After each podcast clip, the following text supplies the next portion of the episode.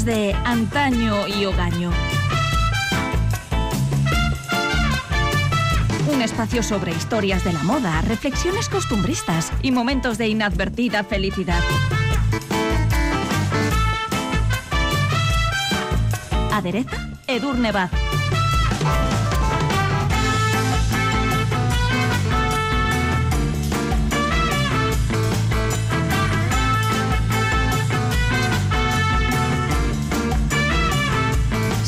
Capítulo anterior repasábamos la historia de Estudio 54, esa discoteca legendaria, la más legendaria de todos los tiempos, hoy nos vamos a detener en uno de sus rostros más emblemáticos, Halston, el diseñador fetiche del Manhattan de los años 70.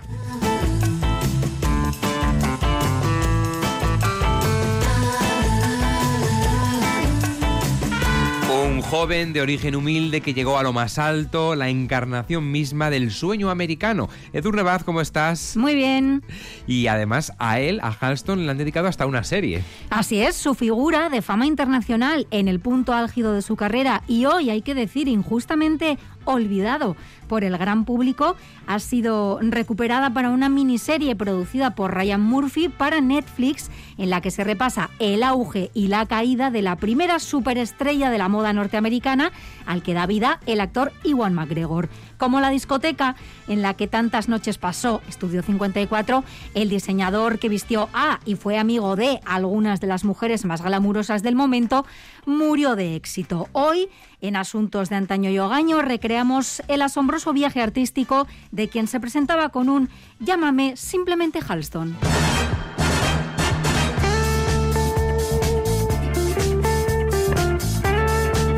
Vamos a adentrarnos, por tanto, en la vida de Halston en su auge y caída de Roy Halston Frowick, que ese es el nombre que recibió cuando nació en Des Moines, en Iowa, el 23 de abril de 1932. Junto a sus tres hermanos, creció en el seno de una familia de clase trabajadora y desde pequeño mostró interés y también talento por el diseño. ¿Qué hacía para que ya desde pequeño, bueno, pues se viese que tenía cierta maña en, en, eh, en todo esto? Solía crear sombreros y modificar prendas para su madre y para su hermana.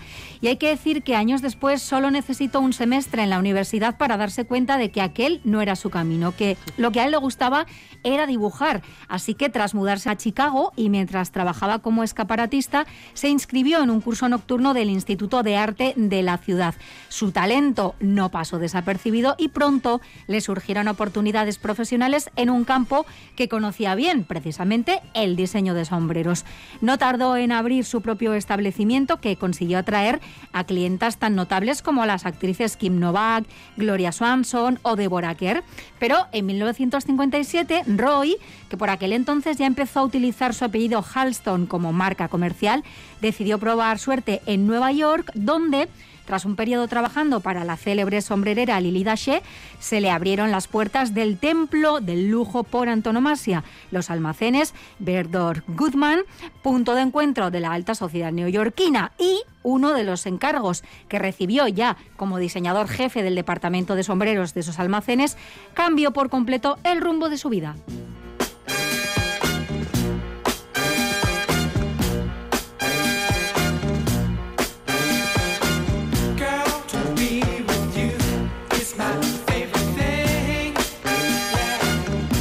Vamos a detenernos precisamente en ese encargo, ¿no? Porque nada más y nada menos que fue de Jackie Kennedy, uh -huh. que encarga, como decimos, a Halston un sombrero para la ceremonia de, de, toma de posesión, ¿no? De su marido, de John Fitzgerald Kennedy, como presidente de Estados Unidos. Eh, ¿Ese encargo eh, marcó un antes y un después en su carrera? Sin ninguna duda, porque la imagen de Jackie, aquel 20 de enero de 1961, con un abrigo del que se convertiría en su diseñador de cabecera, de Oleg Cassini, y con el hoy icónico Pillbox de Halston catapultó al joven diseñador, ¿no?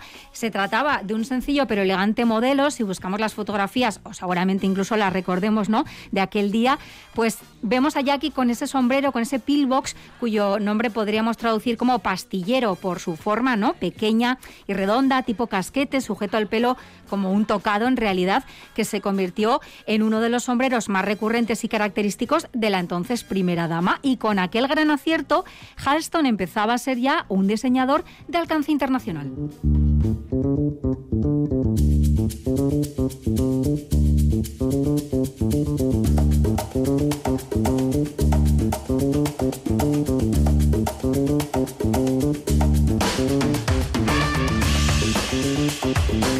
Hace falta más que entrar en cualquier buscador, poner Halston Jackie Kennedy y veremos cualquier imagen, ¿no? De ese pillbox que yo creo que tampoco hace falta buscarlo porque todos tenemos en mente los sombreros que llevaba eh, Jackie Kennedy, ¿no? Pero de alguna forma consciente de que los tiempos estaban cambiando y que el sombrero ya no gozaba quizás de la popularidad de antaño, Halston decide adentrarse en el diseño de prendas de moda. ¿Se reinventa de alguna forma?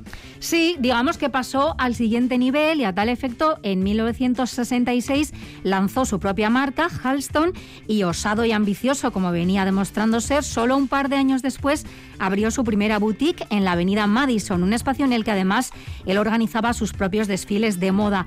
No pudo contar además también con mejores embajadoras que algunas de sus mejores amigas y a la par musas y colaboradoras. Hablamos de personas como la cantante Liza Minnelli, la modelo y diseñadora de joyas Elsa Peretti, las también modelos Pat Cliven, a la que él además había descubierto ¿no? en el metro de Nueva York, Marisa Berenson o Bianca Jagger, Cher, la actriz Angelica Houston o la también actriz Elizabeth Taylor, a quien Halston llegaría a acompañar incluso a una entrega de los Oscars. Ahí es nada los nombres que acabas de lanzar, ¿eh? como si nada, como si Entre otros muchos. Cualquiera. Menuda cuadrilla, sí, sí. Eh, lo cierto es que sus prendas eh, pusieron patas arriba los códigos estéticos de la moda americana del momento, ¿no?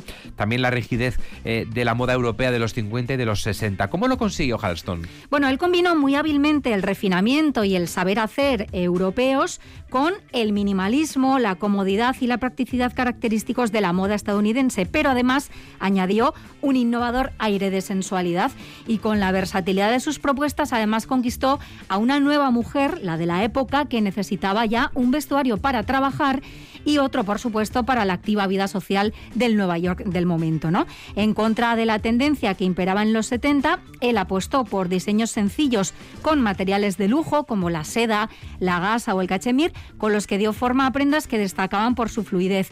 Trajes de inspiración masculina, el cuello halter que ya lo hizo prácticamente suyo, hombros asimétricos, vestidos que parecían volar sobre la pasarela, con cortes al bies que celebraban y se adaptaban al cuerpo de cualquier mujer, porque es que Halston también fue pionero en abrazar la diversidad y subía a su pasarela a mujeres de diferentes tallas y, por supuesto, de diferentes colores de piel. ¿no? Bajo una aparente sencillez, sus patrones escondían en realidad una fantástica obra de ingeniería textil y podríamos decir que la prenda más icónica de Halston fue probablemente su vestido camisero ultra suede, elaborado con un suave tejido que patentó él mismo, que era muy parecido al ante, pero atención, esto era fundamental, se podía meter en la lavadora, se podía lavar sin ningún problema, ¿no? Lo presentó en 1972 y de nuevo fue otra icónica mujer la que le dio el espaldarazo definitivo.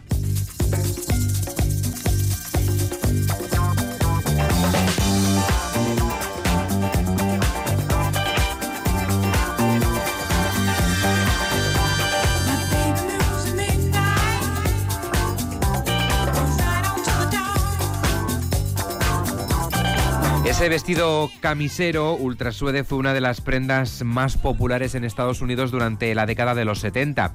Más allá de su carácter innovador o de su elegante comodidad, ese decisivo secreto del éxito, ¿no? Sobre todo de, esta prenda, que también si la buscamos la vamos a reconocer, ¿no? fue como adelantábamos, esa gran influencia del momento, ¿no? Que es la que lo pone de moda, ¿no? La que, bueno, se atreve a colocárselo, a ponérselo y a partir de ahí se desata la locura con el ultrasuede. Sí, no hemos inventado nosotros el concepto de influencer, por supuesto. No, no, Halston siempre fue un excelente relaciones públicas y ya entonces era perfectamente consciente de lo que implicaba que una mujer influyente se dejara ver con uno de sus diseños, como en su día lo fue Jackie, ¿no? Bueno, pues se ganó el favor de las más influyentes de todas, la verdadera papisa de la alta sociedad neoyorquina, la siempre impecable Beth Paley. El cisne favorito de Truman Capote, esta gran dama visitó el showroom de Halston buscando prendas para el día a día y él le mostró su última creación, que era el vestido ultra suede. Bueno, pues la respuesta de Paley, que fue me llevo uno de cada color, acabó convirtiendo aquel vestido en el uniforme oficial de la mujer de la época. Cuatro años después de su lanzamiento se habían vendido cerca de 42.000 unidades al nada módico precio de 360 dólares.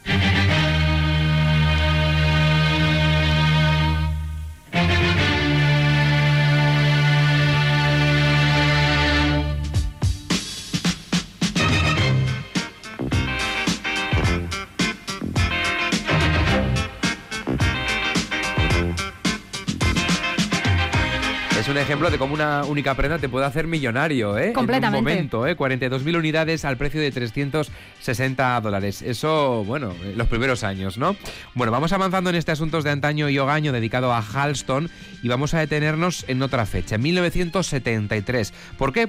Pues porque fue un año clave para el diseñador. Sí, ese año se organizó un desfile en el Palacio de Versalles al que fueron invitados cinco diseñadores franceses y de forma inédita, porque no era habitual, cinco creadores norteamericanos, entre ellos el gran Oscar de la Renta.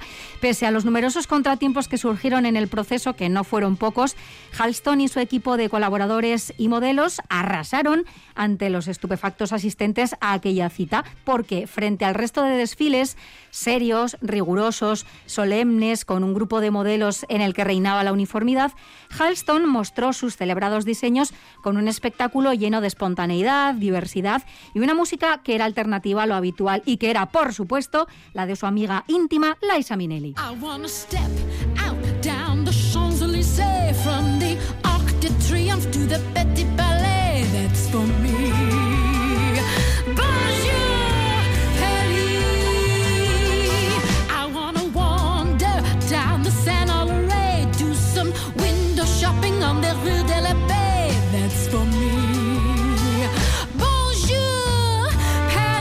Sí, ese desfile en el Palacio de Versalles fue todo un éxito, no solamente para Halston en lo particular, sino para la moda estadounidense en general. ¿Por qué? Bueno, porque de alguna forma No Durne eh, dejaba atrás em, varios complejos, ¿no? Sí, eh, él fue el diseñador y así se le ha reconocido siempre que puso la moda norteamericana en el radar internacional, ¿no? Fue, como decíamos, la primera superestrella de la moda estadounidense. por la europea, ¿no? claro. europea, ¿no? Y, no eran... se pone el foco ahora en la estadounidense gracias a Halston. Exactamente, no era una moda respetada, por eso decía que era inédito que fueran invitados ¿no? a ese desfile en el Palacio de Versalles y contribuyó a ello, además de su innegable talento, su habilidad para el marketing y en particular las espectaculares apariciones en escena que protagonizaba junto a su séquito. Más que un séquito, era, en palabras de Boris Izaguirre, una corte en la que Halston era, no hace falta decirlo, el monarca. ¿no?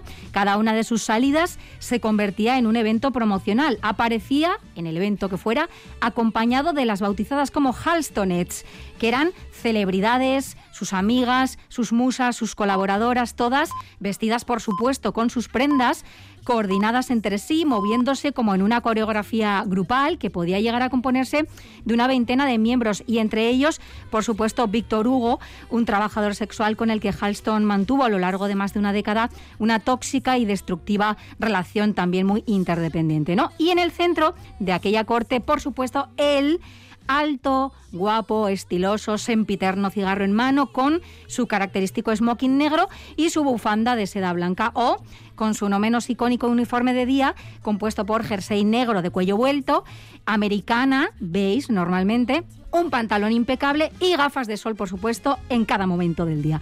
A finales de los 70 y principios de los 80, Halston ya era tan conocido por sus diseños como por su activa participación en la vida nocturna de Nueva York, la ciudad de las oportunidades, la fantasía, el estilo, la belleza, el glamour, el mejor sitio en el que él decía haber estado en toda su vida. a land of fantasy, style, beauty, glamour, safety, everything, all day and all night. It was just the most wonderful place I'd ever been in my life.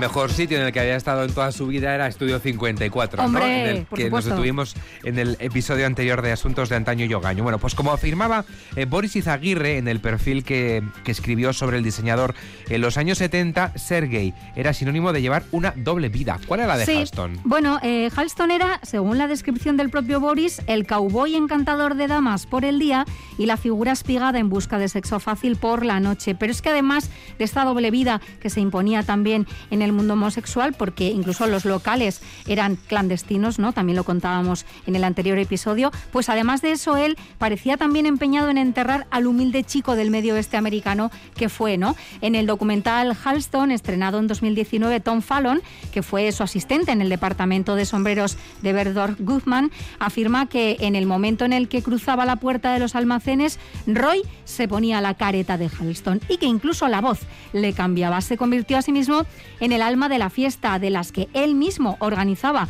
en Estudio 54, como el recordado cumpleaños de Bianca Jagger, en el que entró montada en un caballo. Esa fiesta la organizó el propio Halston.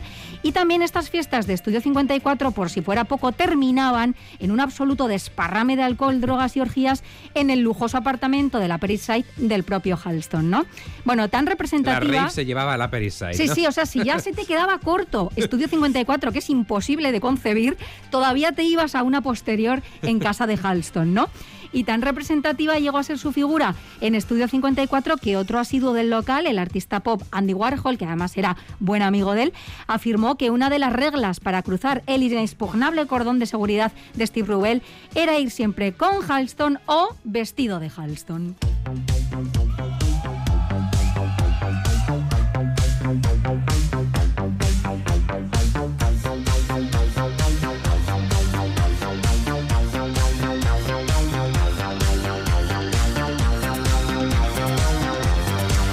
Contando y asistiendo ¿no? a ese ascenso absoluto de, de, Halston al Olimpo de los dioses, al Olimpo de los grandes diseñadores. Eh, su frenético estilo de vida eh, no le impidió además levantar un verdadero imperio, ¿no? Una cosa no estaba reñida con la otra, al menos en este momento de la Aunque historia. Aunque lo acabó ¿no? estando. Sí, sí. Pero no al principio. Pero de momento, en 1973, la marca Halston se había integrado en la corporación Industrias Norton Simon, lo que le permitió de alguna forma financiar eh, su elevadísimo tren de vida y cumplir su más ambicioso sueño, que todo el mundo llevara alguna prenda o que tuviera algún objeto eh, con su nombre. ¿Diversificó su negocio, Halston? Diversificó a más no poder. Casi habría que inventar un concepto nuevo para lo que Halston hizo, porque sacó de todo efectivamente con su nombre. Diseñó moda masculina, lanzó una línea de cosméticos, todo tipo de accesorios, gafas de sol, maletas, sábanas, alfombras, uniformes para los deportistas olímpicos del año 76 o para la compañía de alquiler de vehículos Avis y también un exitoso y muy lucrativo perfume cuyo frasco en forma de lágrima diseñó la propia Elsa Peretti, que luego, por mediación de Halston, acabó diseñando para Tiffany. ¿no? Ah, Solo había un problema en aquel vasto imperio que estableció su sede obsesivamente decorada con orquídeas, que eran carísimas también, claro, en la majestuosa Olympic Tower. Para alguien tan perfeccionista como Halston, que quería controlar y supervisar personalmente todo lo que llevara su nombre impreso, resultaba imposible abarcar tanto, ¿no? Porque combinar todo ese trabajo, además con su activa vida nocturna, era imposible.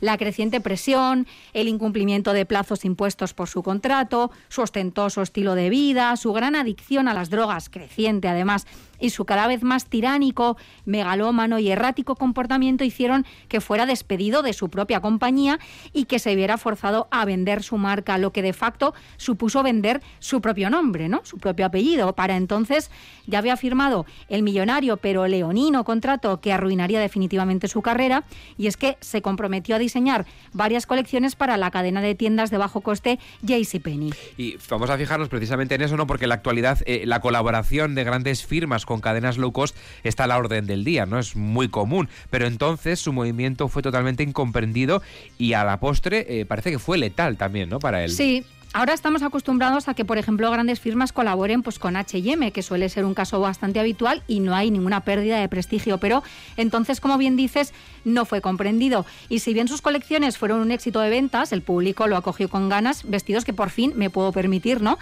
Pues el mundo de la moda, como afirmó entonces la presentadora de un programa de televisión, osciló entre la conmoción y la indignación. Y sin ir más lejos, los elitistas almacenes Berdor Goodman, donde él empezó como sombrerero, dejaron de vender sus creaciones, rompieron con el diseñador, consideraban que ya no estaba a la altura de las circunstancias de sus almacenes Ajá. y luego ya una OPA hostil y la llegada de un nuevo gestor pusieron ya la puntilla, porque Halston, que ya había perdido el respeto del mundo de la moda, perdió el control creativo de su firma y perdió, como decíamos, su propio nombre, que ahora ellos podían utilizar sin su consentimiento, como de hecho hicieron. Y a su declive profesional se había sumado otra devastadora noticia, y es que estaba enfermo de SIDA, la pandemia que azotó a toda una generación.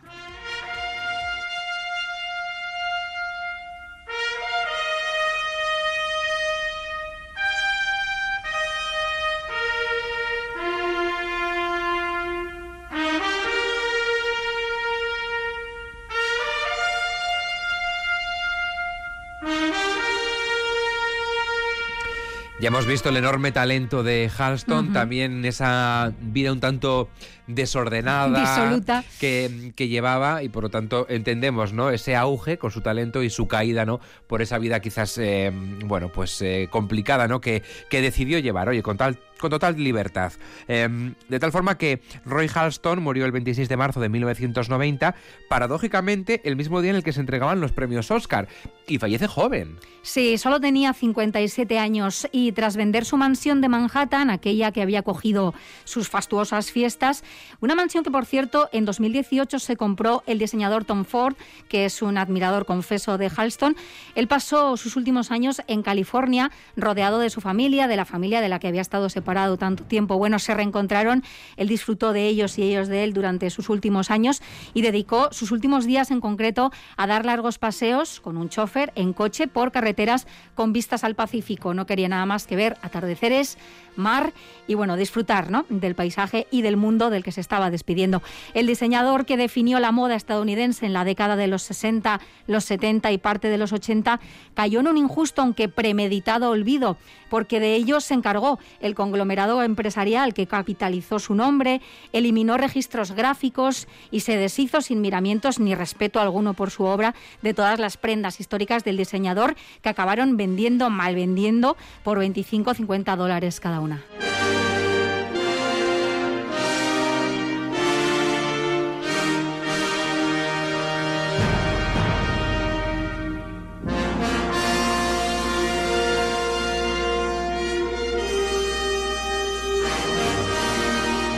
Pues una vida muy interesante también la de Halston, con él hemos aprendido muchas cosas, ¿no? Y también como desde pequeño ya mostraba cierto talento eh, y consiguió rápidamente, bueno, pues llegar a un nivel Mm, elevadísimo, ¿no? Porque estábamos diciendo, ¿no? Se convirtió en el referente de la moda estadounidense cuando en ese momento pasaba desapercibida o casi se la ninguneaba o se le ignoraba, ¿no? Sí, sí, sí. Y además merece la pena revisitar, bueno, los archivos que afortunadamente quedan, ¿no? Y bueno, poder disfrutar de su obra y para el que tenga curiosidad, pues disfrutar también de su vida ficcionada con esa serie que no ha gustado a la familia, cosa que suele ser bastante frecuente en estos casos.